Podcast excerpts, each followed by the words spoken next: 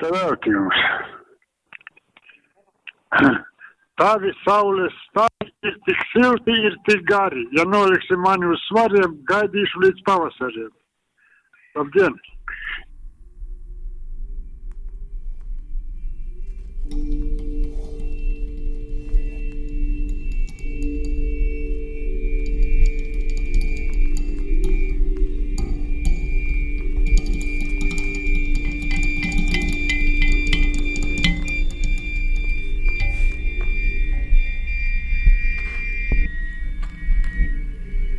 Jā,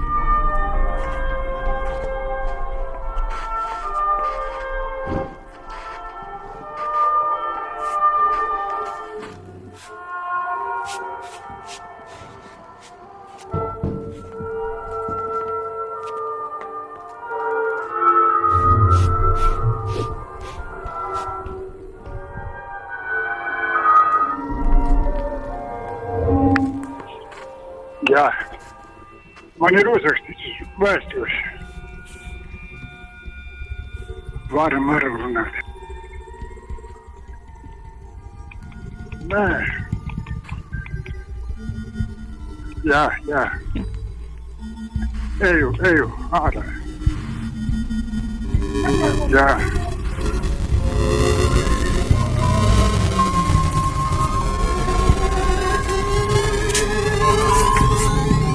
Es esmu audzis šoseis malā un dzelzceļa malā. Daudz vilcienus vēroju, es tiku šķūnī, pavasaru guļu šķūnī, dzird kā vilciens iet, liedas tā rezonants atde.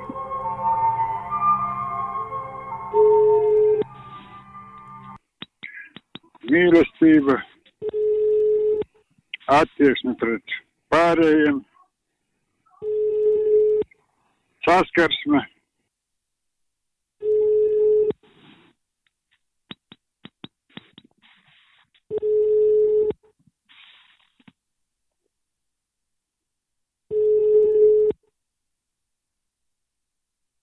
Šī vakara mūsu sarunu viesņa ir Vita Malāhova. Teātra māksliniece, kas um, pēdējo mēnesi, visu jūniju, dzīvojusies Susajā, lai radoši, brīvdabā, un ne tikai brīvdabā, veidotu kādu mākslas darbu. Bet uh, sāksim šo stāstu nu pavisam no paša sākuma.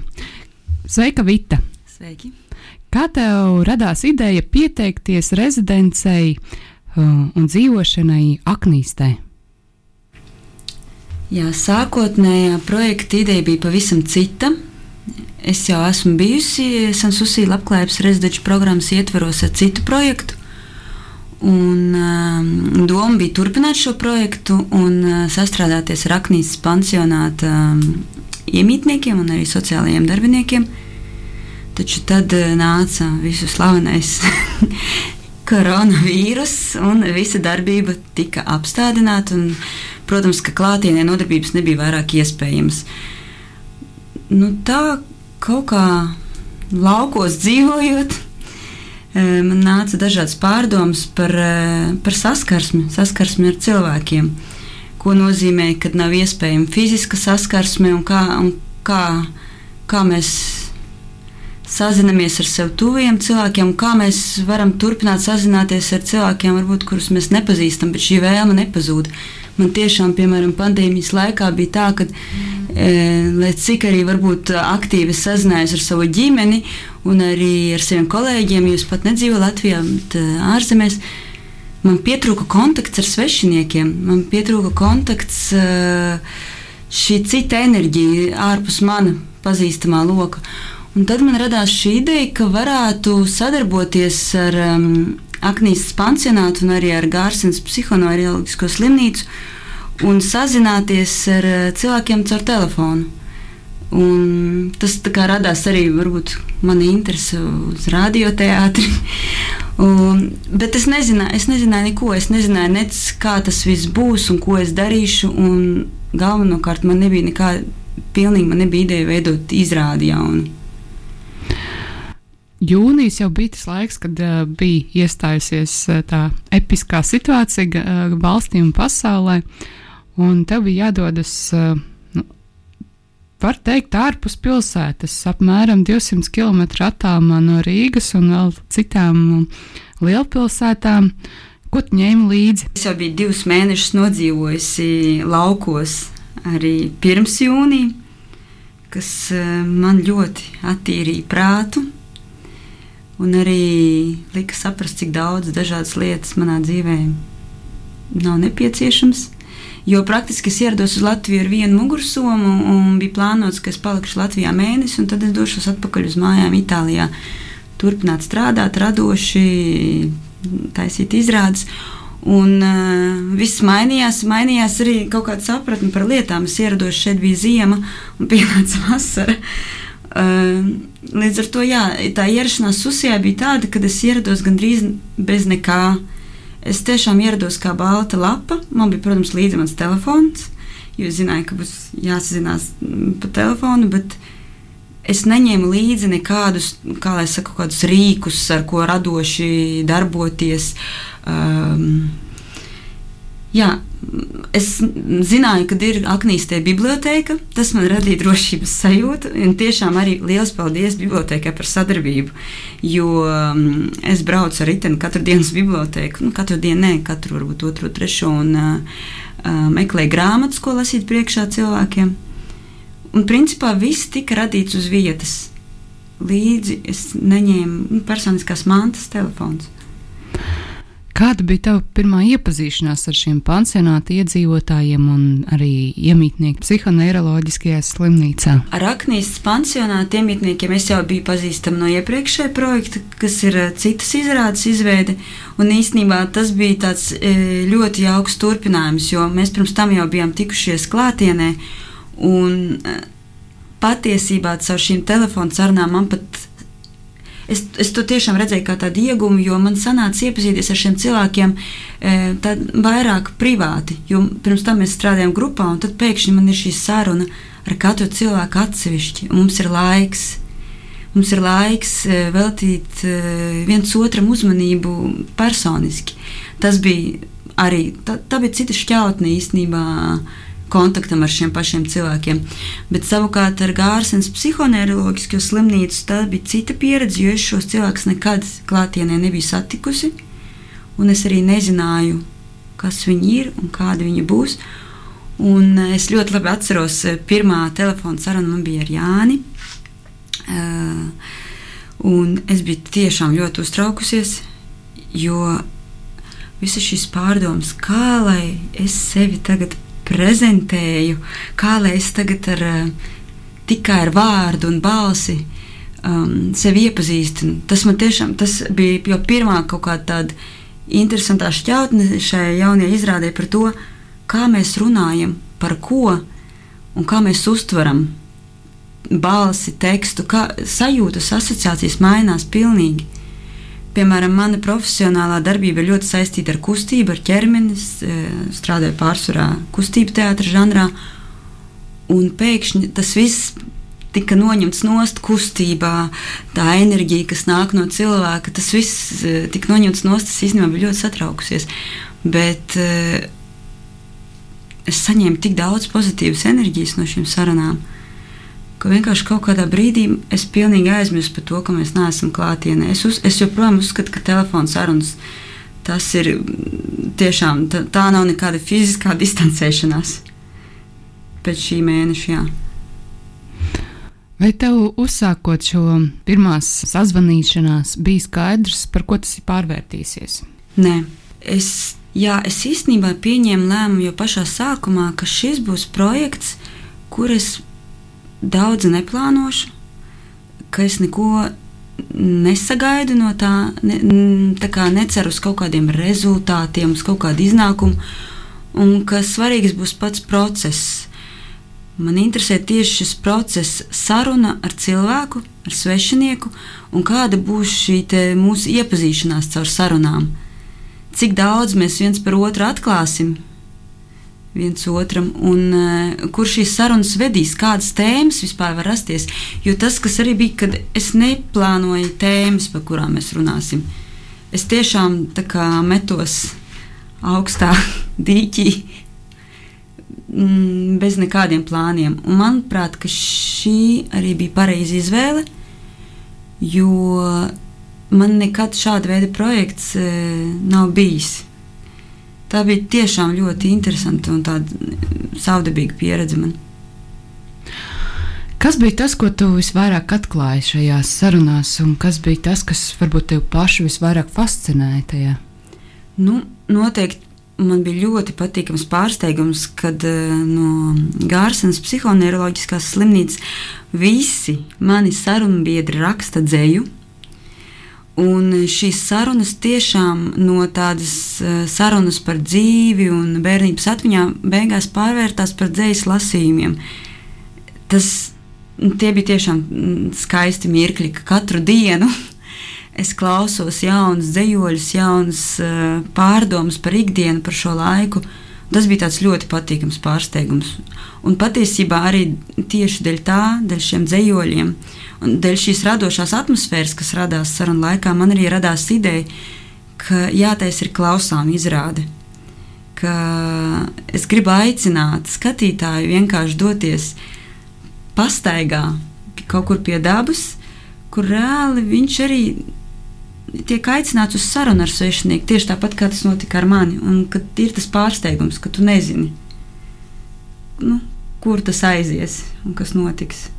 Pirmo sastapšanos šī izrāde, lai dzīvo putni, piedzīvoja pavisam nesen, pirms pāris dienām.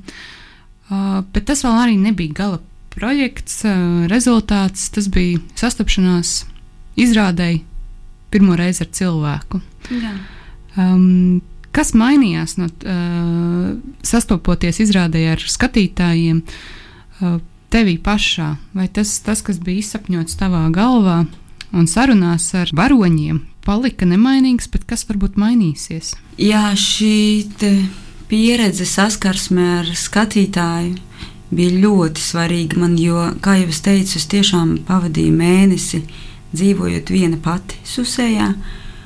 Es nevienu brīdi nejūtos, ka esmu pilnīgi viena pati, jo man tomēr e, jāpiemina, bija liels atbalsts no rezidenču programmas kuratoras Andas Lāces, ar ko es sazinājos un arī dalījos visās savās pārdomās.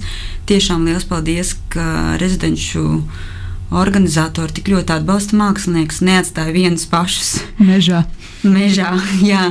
Un uh, arī Sansusī festivāla organizatori tiešām arī bija ļoti atsaucīgi un ieinteresēti. Nu, tas bija ļoti svarīgs aspekts šajā darbā, bet praktiski es biju viena pati.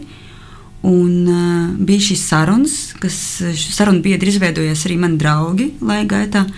Bet visas mākslinieckās idejas, tā radošā plūsma, tas viss bija galvā. Uh, Tas bija galvā, un mēneša beigās man traucēja. Man traucēja un, e, e, es jūtu tādu nospiedošu, gandrīz vai sajūtu. Man vajadzēja dalīties ar šo procesu, ar kādu. Un arī tas, manuprāt, kas ir mainījies pēc e, šī eksperimenta, kas reāli ir izmēģināja to izrādīt ar cilvēkiem, ir tas, ka pirmkārt, manuprāt, šī ideja strādā. Tas, ko es redzēju, es redzēju ļoti lielu atsaucību no cilvēkiem, ka viņi tiešām arī gribēja um, iesaistīties šajā sarunā ar svešinieku.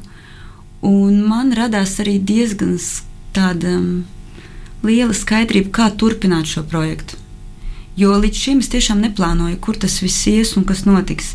Un tagad, kā, manuprāt, šī plūsma kā, ir beigusies, un tagad sāksies praktiskais darbs, kad nu, man top skaidrs, kas ir jādara un kuras lietas strādāja, un varbūt kuras varbūt arī nē, un kuras vienkārši jāatrod malā. Jā. Šī ir eksperimentāla izrāde, un varbūt eh, tu esi domājis par to, kādiem skatītājiem tā ir domāta. Tas ir ļoti labs jautājums. Es tiešām par to esmu aizdomājusies pēdējās dienas. Jo man, kā māksliniecei, vienmēr būs interesanti, lai ir eh, ļoti dažāds skatītāju lokus, eh, dažāda vecuma un arī kultūras, bet eh, eh, es nekad nezinu, vai tas, ko es vēlos, vai tas tiešām tā arī strādā. Manuprāt, šī izrāde varētu būt interesanta ļoti pirmkārt Aknīstas novada iedzīvotājiem. Jo šī slimnīca, Gārsens psihoneiroloģiskā slimnīca, viņi tur ir, viņi ir ļoti nomaļus. Cilvēki zina, ka viņi tur ir, bet neviens īsti nezina, kas ir šie cilvēki kāda ir viņa ikdiena. Manuprāt, man tā kā tiešām būtu tāds sapnis, ja šādu izrādi varētu tiešām piedzīvot vietējie iedzīvotāji. Jo, manuprāt, notiktu tieši šī saskarsme starp jā, tādām dažādām, it kā viņi visi dzīvo vienā vietā, bet tajā pašā laikā pilnīgi nošķirti. Un, protams, kad nu, Jā, es laikam nespēju šobrīd pateikt vēl konkrētāk, kādam cilvēku lokam tas ir, bet tie vietējie iedzīvotāji, tas man, tas man būtu svarīgi. Jā. Un vai šī izrāde spējas dzīvot arī šajā tehnoloģiju laikmetā pati par sevi? Tas ir tāds uh, vispār šīs izrādes uh, kontekstā tāds interesants jautājums, jo nu, izrādes parasti mēs esam kaut vai eksperimentālās pieraduši redzēt ar aktieriem varbūt dzirdēt radio. Radioteātris izpildījumā, varbūt redzēt eh, datorekrānā vai televizorā kā ierakstu. Bet kas ir šīs izrādes tas galvenais formāts un kā, kas ir tās potenciāls arī dzīvot bez cilvēku klātbūtnes, nu, tādu organizatoru klātbūtnes varbūt pat. Jā, nu, pirmkārt es atklāšu, ka droši vien man lielākais pārbaudījums izrādes izveidē bija tieši tehniskā puse. Jo tā vīzija un ideja bija skaidra, bet kā lai to visu izdara, nebija skaidrs. Un arī es neteiktu, ka esmu tehnisks cilvēks, un vispār manās izrādēs es parasti cenšos vispār neizmantot īpaši daudz dažādas tehnoloģijas. Un šeit pēkšņi ir izrāde, kuras vēlos, lai cilvēks piedzīvo, izmantojot mobilo telefonu un WhatsApp. Tas nozīmē ļoti tehnoloģiski, un to visu es gribu, lai viņš dara, ejot mežā, kas man arī tā tāds mm, kā lai saka, pretstats. Jo man pašai, piemēram, mežā esot, noteikti negribas izmantot mobilo telefonu. Um, tā kā ir visi šie elementi, un es domāju, kā lai viņus tagad visus savieno.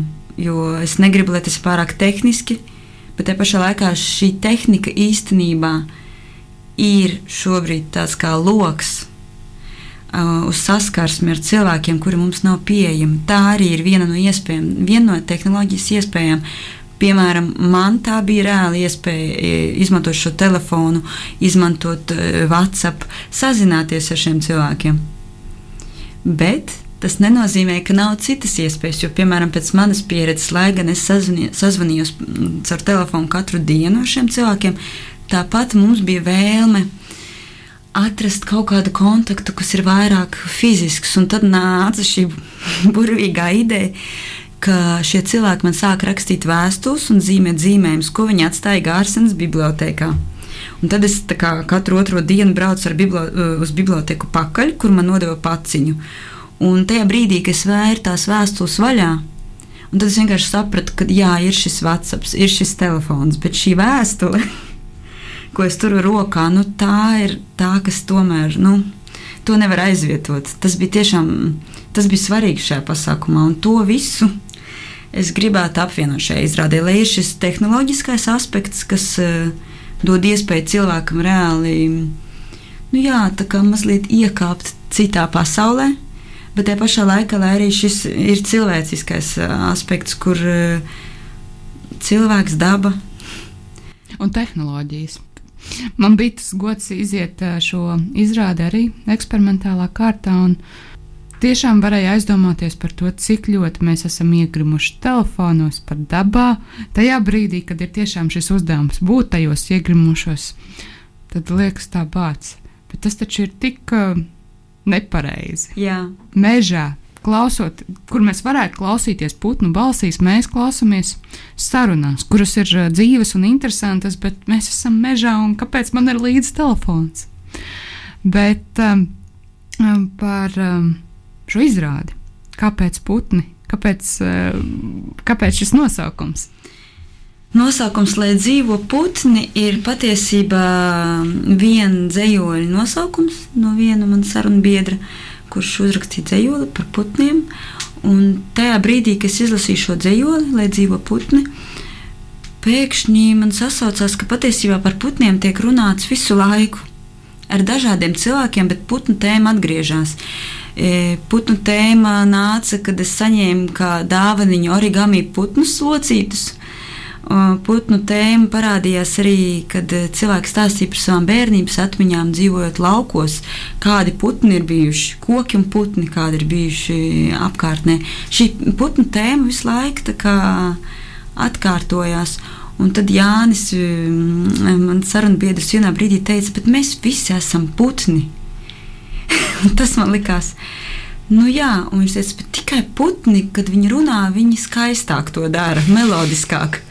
Un tas man likās, tā kaut kā ir. No, man, no mana cil, no cilvēka aspekta tā ir. Putni runā melodiskāk.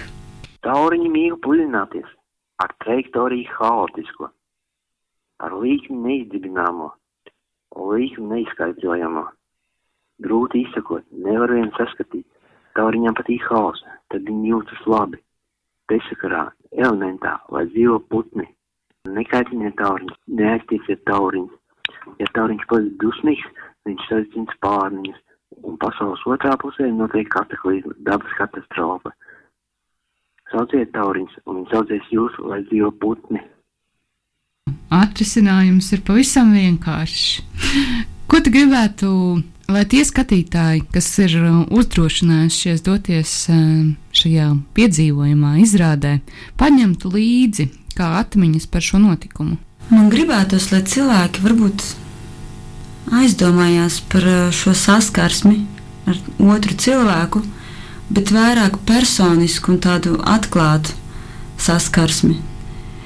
E, jo es godīgi pateikšu, ka es ļoti daudz ko iemācījos šo sarunu laikā. Es sapratu, ka es savus tuvus cilvēkus, kurus es pazīstu, es nemaz tik labi neklausos. Kad es bieži domāju, es jau zinu, ko viņi grib pateikt, es jau tevi pazīstu. Un tieši runājot ar svešinieku, es sapratu, cik ļoti uzmanīgi mēs bijām viens pret otru. Kā es klausījos šos svešiniekus, lai saprastu, kas viņi ir, kas viņiem ir svarīgi. Un tikpat ļoti es arī jūtu, cik ļoti es esmu uzklausīta. Un tieši šī, jā, šī saskarsme un klausīšanās vienā otrā, tas ir tas, ko es gribētu, varbūt, lai skatītājiem, nu jā, lai viņiem arī kaut kā jā, liekas tas svarīgi sadzīvē. Man vēl gribas pajautāt par to ļoti trauslo robežu. Visas šīs sarunas bija ļoti privātas, un varoņi, jeb sarunu biedri, viņi ļoti atklājās. Vai viņi Un, protams, viņi apzinājās, ka tas tiks izmantots izrādē, bet kā ir ar šo trauslumu starp privāto un publisko? Jā, noteikti, ka šī robeža nav, ka šī robeža ir ļoti trausla, un arī es jūtu, ka tā ir atbildība uz, ma uz, uz manīm, kā es to visu risināšu. Bet eh, kā es darīju, es tiešām arī eh, izrādes izveidē, man sarunbiedri ļoti iesaistījušies es ļoti daudz eh, pārunāju, kā es šo izrādi gribētu veidot, vai viņu prāt šī būtu laba ideja izmantot šo vai šo sarunu. Un tas radīja arī kaut kādu tādu sadarbības sajūtu visā šajā projektā. Un es arī jutos, ka es neizmantoju kā, šo materiālu tikai sa, savām interesēm, mākslinieckajām. Es mēģināju arī saprast, kuras ir tās lietas, ko maniem sarunbiedriem arī gribētos atklāt publiski arī citiem cilvēkiem, ne tikai man.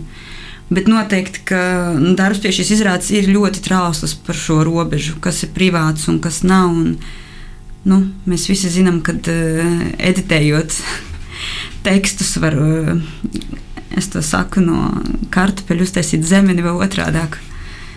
Nu, tā ir tā trausla robeža. Jā. Šis ir lielisks piemērs teātrim, kas um, Mm, varbūt kā forma varētu dzīvot arī pirms un paralēli pandēmijai, bet kā tu skaties, kā mainīsies teātra un skatuves mākslas vide pēc eh, šī vīrusa notikuma? Kas ir tas, ko tu šobrīd ieraugi, veidojoties un veidojamies šajā vidē, un kam varbūt aug tikai pirmie spārni? es tiešām ļoti daudz par šo jautājumu domāju, bet es jūtu, ka es esmu tik daudz par to domājis, ka es pat vairs nezinu. Nu, jau es esmu padusi visos iespējamos virzienos domu, bet mm, ko es ceru? Es ceru, ka virziens netiks teātris virziens, mm, arī vispār mākslas virziens, ka viņš netiks mainīts tādā ziņā, ka kaut kas atkritīs. es ļoti ceru, ka vienkārši jā, šī posma dēļ parādīsies nu, vēl vairāk iespējas. Nu, ņemot, piemēram, manu pieredzi, es esmu mākslinieks, kas vienmēr strādājis kolektīvā darbā. Es tiešām nekad neesmu strādājis viena pati. Jo man tieši grupas darbs ir vērtība, un tas ir ļoti svarīgi strādāt un sadarboties ar citiem cilvēkiem. Bet eh, šīs pandēmijas dēļ vienkārši tā sanāca, ka es paliku viena. Un īstenībā tā man ir iespēja, jo es atklāju, ka patiesībā es arī viena esot, varu atrast veidu, kā sadarboties, kā piemēram ar Gārsenas psihoneiroloģiskās slimnīcas iedzīvotājiem, ka var atrast veidus, kaut kā iziet no komforta zonas. Es ceru, ka teātris eh, meklēs jaunus risinājumus, un varbūt kaut kāds teātris veids, kas līdz šim ir eksistējis, varbūt viņš vairs nav skatītājiem šobrīd vajadzīgs šajā brīdī. Varbūt, kad ir tiešām uh, jāmetās laukā un jāmē, jāmēģina kaut kādas tādas nepierastākas lietas. Es nezinu, man šobrīd es te vēl nespēju tā saprast pati. Jā, ir skaidrs, ka kaut kas ļoti mainās. Kaut kas paliek, kaut kas iet prom, kaut kas uh, veidojas arī jauns. Šo izrādi uh, skatītājs var piedzīvot uh, pilnīgi viens dodoties mežā. Klas, klasiskā teātris zāle, kur uh, kaut vai divu metru attālumā sēž otrs cilvēks, atkal ir izslēgta. Un var izmantot izrādes laikā telefonus. Kur tas ir dzirdēts? Nu, manuprāt, nu, bet, lai tiešām, patiešām izbaudītu šo izrādi, tur tomēr nevajadzētu čatot ar kādu draugu vai draugu un uh, neskatīties kaķu video YouTube. Bet, uh, jā, WhatsApp ir. Uh, ir svarīga funkcija šai izrādē, jā. Ko darīt cilvēkiem, kas nezina, kas ir WhatsApp? Nu, pilnīgi noteikti ļoti labs jautājums. Es šobrīd, to, šobrīd šo, šo jautājumu mēģinu risināt. Un, piemēram, šis ir tas aspekts, ko es nevaru izdomāt viena pati. Es nevaru šo atrisināt. Noteikti es tagad sākšu pie tā strādāt, un arī runāšu ar kādu programmētāju, varbūt, vai nu, meklēsim risinājumus, kā to var darīt. Bet, piemēram, manai mammai šis bija iemesls iemācīties, kas ir WhatsApp un kā viņu lietot. Jo Kāpēc nē? Varbūt šī izrāda ir e, iespēja cilvēkam izmēģināt, kas tas ir. Jo, e, piemēram, tehniskās ierīces skatītājiem tiks iedotas. Viņam nav tā, ka viņam pašam jānāk ar savu ekipējumu tā varētu būt iespēja izmēģināt, kas tas ir. Jā, es tiešām arī par to mm, šo pedagoģisko aspektu iedomājos, ka tā taču ir ļoti praktiski iespēja tiem, kas varbūt ikdienā nelieto šīs um, tehnoloģijas un saka, kam tās vispār ir nepieciešamas, un es taču varu. Mm, uzrakstīt vēstuli. Uh, man to visu nevajag uh, apgūt un saprast arī to, ka nu, nu, tas neaizstās vēstuļu rakstīšanu. Manā gadījumā tā tiešām ir bijis. Nezinu, vai var stāstīt, bet uh, dodoties mežā, visu ceļu pavada dzērvītes. Jā. Kāda, uh, tu jau pieminējies par to, ka tu saņēmi dāvināt dzērvītes, bet kāda, kā, uh, kā šīs dzērvītes sāka spēlēt tik ļoti lielu lomu šajā izrādē? Man ļoti likās interesanti. Viens no maniem sarunbiedriem, viņš gandrīz katru dienu loka es varbūt samalojos, varbūt tas nav katru dienu. Bieži tika pieminēts, ka viņš loko origami putnus un ka tas palīdz uh, nodarbināt prātu, kā arī nomierināt. Un uh, es pateikšu godīgi, arī es pati sāku locīt. Es, jā, šai izrādē īstenībā ļoti daudz uh, izvēles, ir veiktas bez racionāla iemesla, bet viņas likās pareizas. Un, nu jā, nu man bija tas kalns ar origami dzērvītēm bija nepieciešams praktisks risinājums. E, piemēram, šo taku ejot, e, jābūt marķējumam, lai cilvēks redz, kur viņam ir jāiet. Bet, protams, ka tās būs dzērvītes, kas norādīs cilvēkam, kur ir jāiet.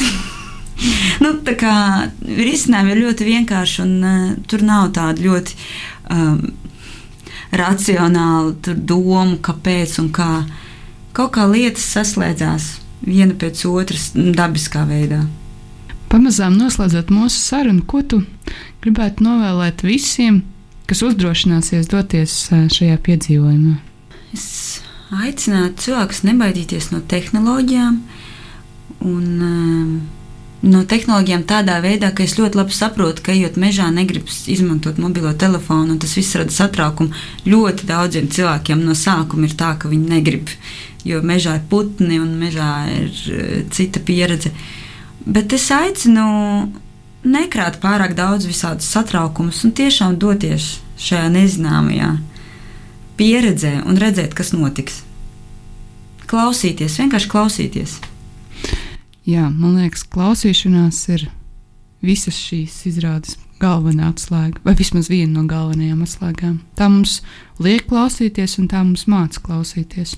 Un klausīšanās taču ir mūsu komunikācijas viena no pamatlietām. Paldies, Vita, ka viesājies pie mums Rādio Naba studijā. Atgādinu klausītājiem, ka pie mums viesojās teātris mākslinieca Vita Malahova. Paldies, paldies! Visu to labāko arī tev!